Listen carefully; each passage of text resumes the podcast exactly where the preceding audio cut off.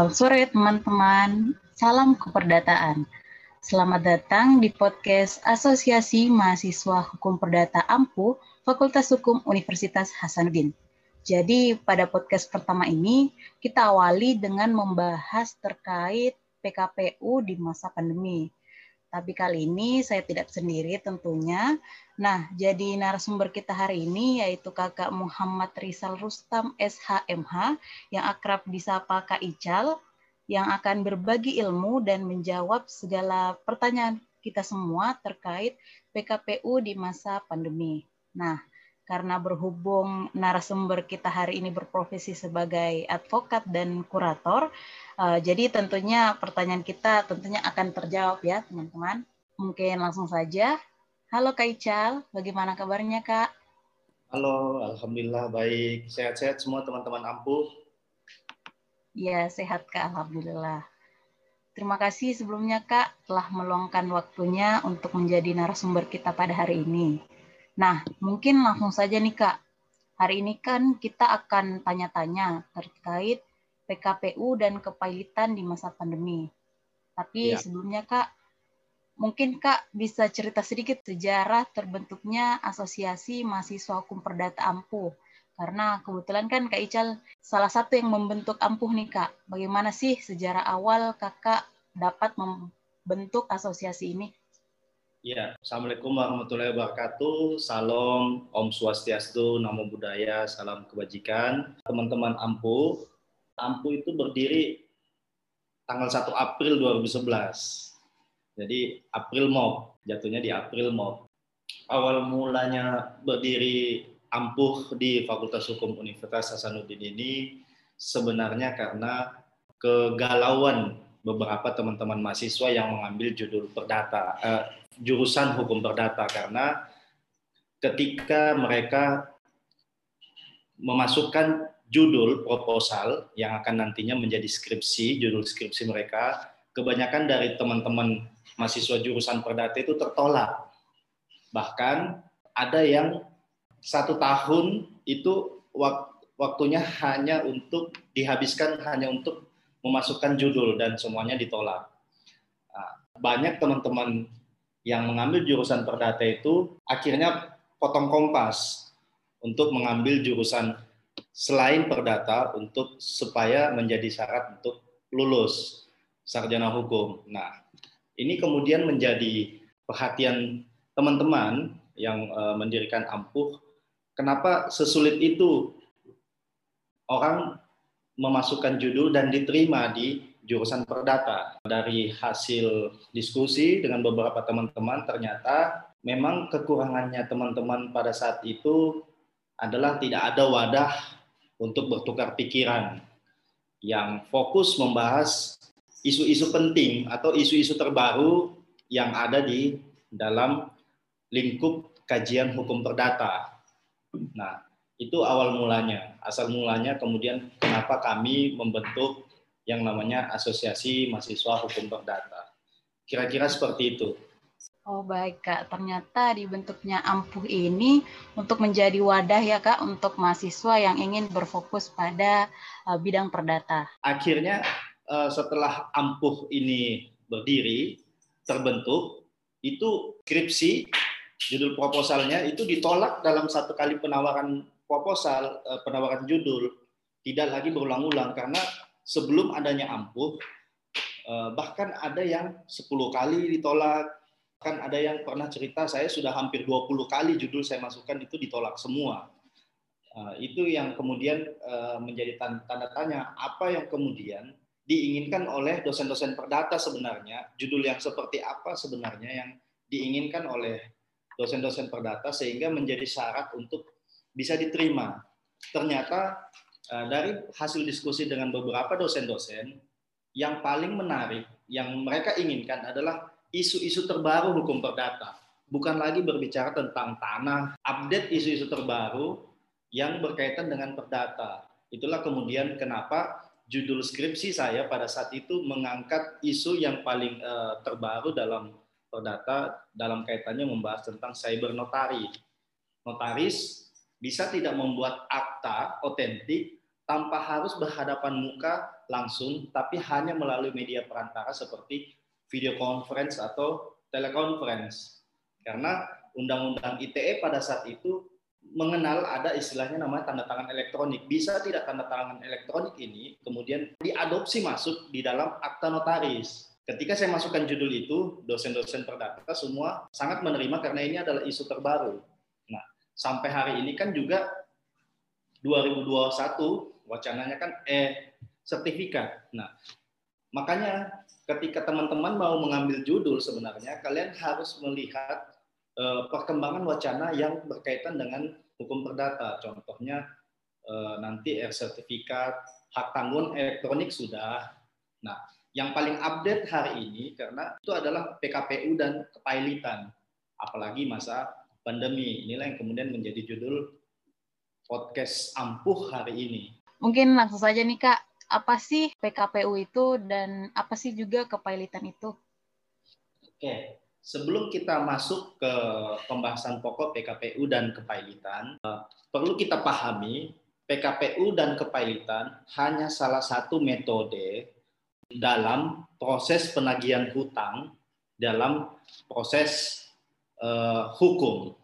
Nah, utang piutang bisa kita tagih dalam berbagai macam uh, metode. Salah satunya mungkin bisa uh, gugatan wan prestasi, ya kan? Tapi yang perlu dipahami ada dua karakter orang ketika berutang. Ada orang yang tidak punya uang sehingga dia gagal bayar. Jadi memang dia tidak punya utang, sorry, dia tidak punya uang untuk membayar utang sehingga itu yang menyebabkan kondisinya menjadi gagal bayar, berhutang. Nah, ada juga kondisi di mana orang yang ada uang tetapi nggak mau bayar utang. Nah, Kondisi yang kedua inilah yang kemudian dipakai untuk menjerat dalam metode PKPU dan kepailitan untuk orang-orang yang seperti ini, yang ada uang tetapi tidak mau bayar utang. Nah, PKPU dan kepailitan itu berbeda walaupun undang-undangnya sama. Perbedaan PKPU dan kepailitan, kalau PKPU seperti tadi namanya ada penundaan pembayaran utang. Di situ ada rencana perdamaian penawaran terhadap utang yang akan dibayarkan. Saya akan membayarkan utang sekian dengan jangka waktu sekian. Itu akan dibahas dalam rapat proposal perdamaian dan disetujui atau tidak disetujui. Kepailitan itu adalah pemberesan. Pemberesan yang artinya adalah seluruh aset-aset atas nama debitur akan dijual dan dilelang dan seluruhnya akan dibagi kepada kreditur berdasarkan tingkatannya, preferen, separatis, dan konkuren. Konkuren akan dibagi secara prorata, bukan dibagi berdasarkan siapa yang paling banyak utangnya atau siapa yang paling dahulu dihutangi.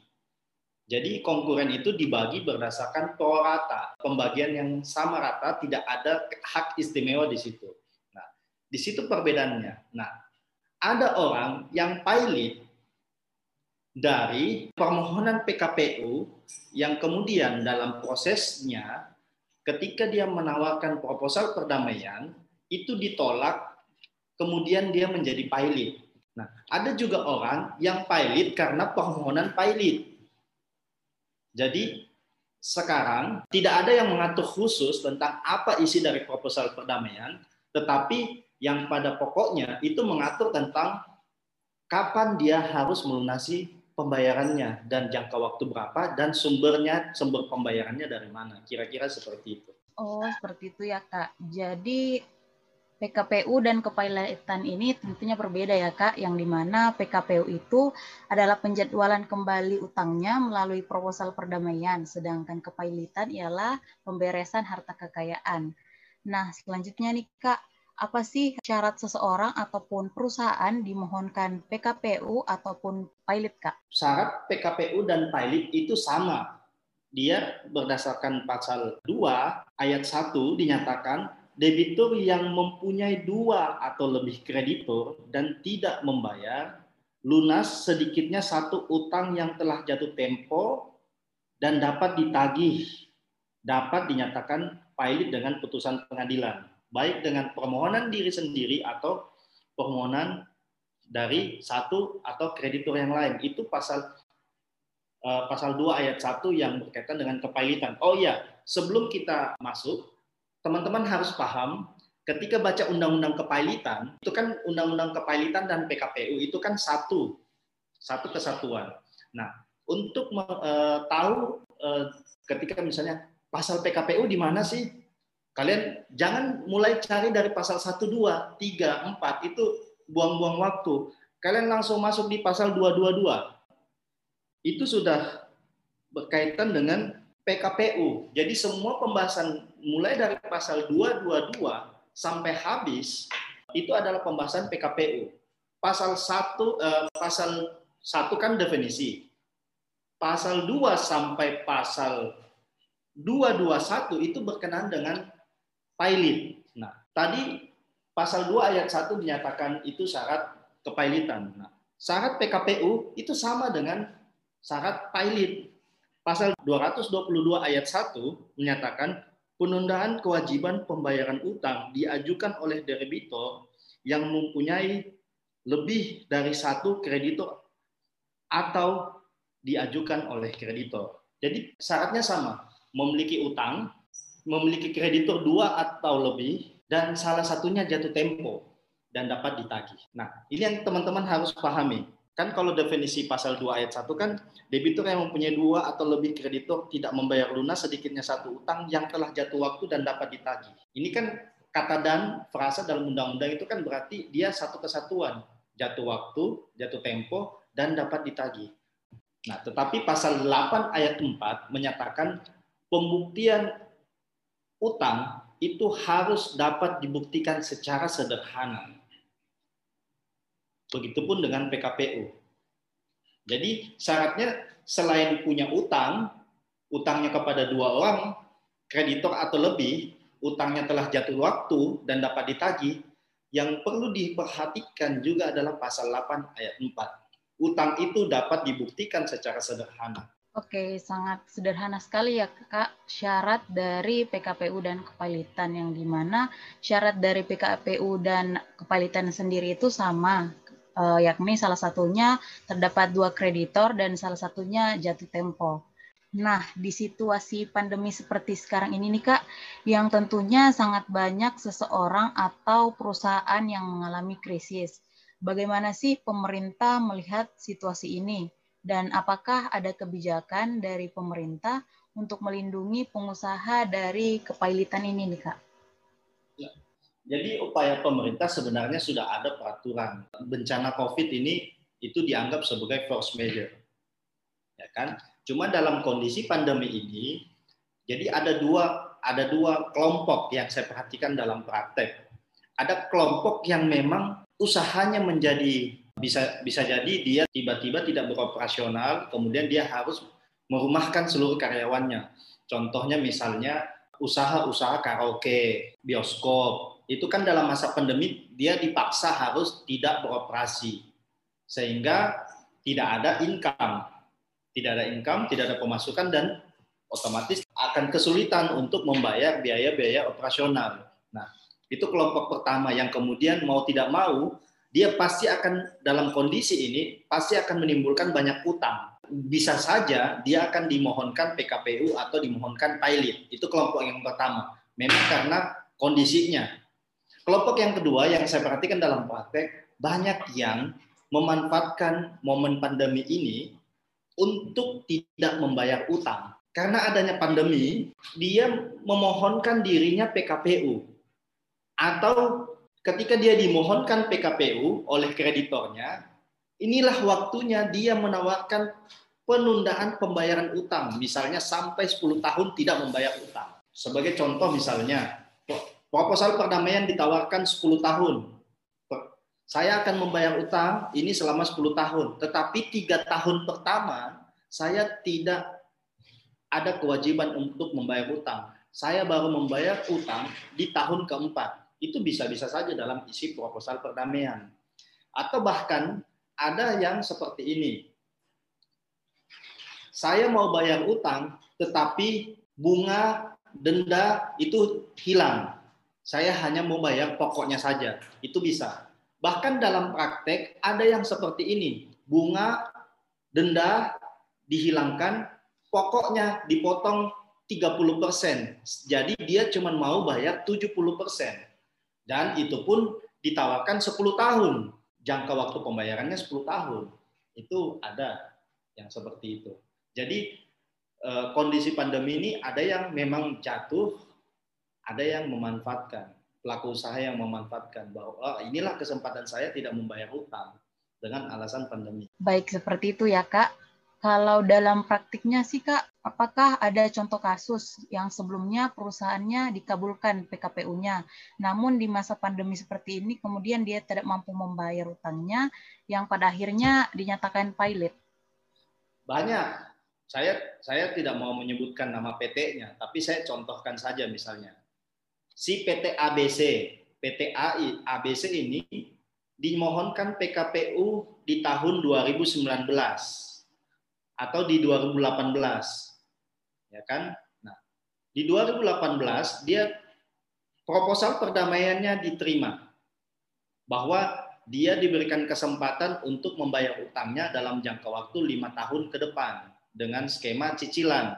Skemanya kan e, bisa tahun pertama cuma 5%, tahun kedua 20%, tahun ketiga 30%, dan tahun keempat selanjutnya. Itu kan skema beda-beda setiap proposal perdamaian skemanya berbeda-beda. Di 2018, 2019 dia mampu membayar. 2018, 2019 dia mau 2020 masuk Covid, pandemi, gagal bayar.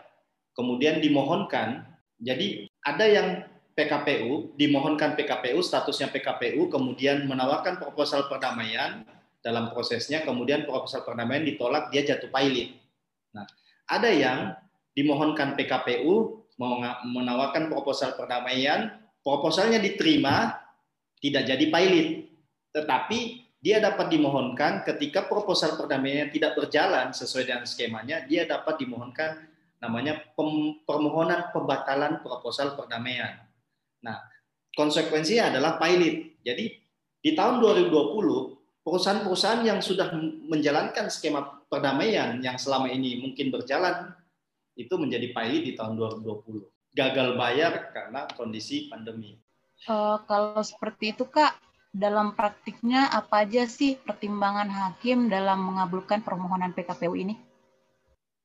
Pertimbangannya pasti yang pertama kalau kita lihat pertimbangan tentang kompetensi kewenangan.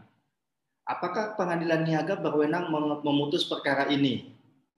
Ya kan itu pasti Eh, ada dalam amak putusan. Yang kedua, apakah pengadilan niaga Jakarta atau pengadilan niaga Medan atau Semarang, Makassar yang memiliki kewenangan ini untuk memutus perkara itu? Nah, kemudian kalau permohonan PKPU yang perlu diperhatikan adalah ada syarat permohonan PKPU harus diajukan oleh pemohon dan kuasa hukumnya dan advokatnya. Berarti dalam permohonan itu harus ditandatangani oleh pemohon dan kuasa hukumnya, bukan diajukan oleh kuasa hukum. Nah, itu kemudian menjadi pertimbangan dalam pertimbangan formil, itu majelis hakim akan menimbang pertimbangan formilnya dulu. Apakah ini diajukan oleh pengadilan niaga yang berkompeten, berkompeten? Ya. Apakah permohonan PKPU ditandatangani oleh pemohon dan advokatnya? Ya. Nah, kemudian masuk ke pokok perkara. Apakah ada utang Apakah uh, termohon PKPU memiliki utang kepada pemohon? Ya. Apakah termohon PKPU memiliki utang kepada kreditur selain pemohon atau dalam praktek dikenal dengan istilah kreditur lain? Ya. Apakah utangnya dapat dibuktikan secara sederhana? Tidak. Ah, jadi walaupun utangnya ada, dia berutang kepada dua atau lebih, tetapi utangnya tidak dapat dibuktikan secara sederhana, tidak diputus PKPU. Nah, dia harus menjadi satu kesatuan. Utang ada utang, ada kreditor, dua utangnya jatuh tempo dan dapat ditagih dan dibuktikan secara sederhana. Itu biasa menjadi pertimbangan majelis hakim dalam memutus seseorang PKPU atau pilot. Uh, lalu Kak, bagaimana sih Kak Ical menanggapi meningkatnya perkara PKPU di masa pandemik seperti ini? Menyikapi permohonan PKPU di masa pandemi ini. Ya, Jadi Kak. sebenarnya uh, yang namanya utang ya harus dibayar. Kalau tidak mampu membayar, salah satu strategi perusahaan yang bisa ditempuh adalah bersurat kepada uh, seluruh uh, kreditur untuk di, diberikan keringanan atau diberikan waktu untuk pembayaran utangnya.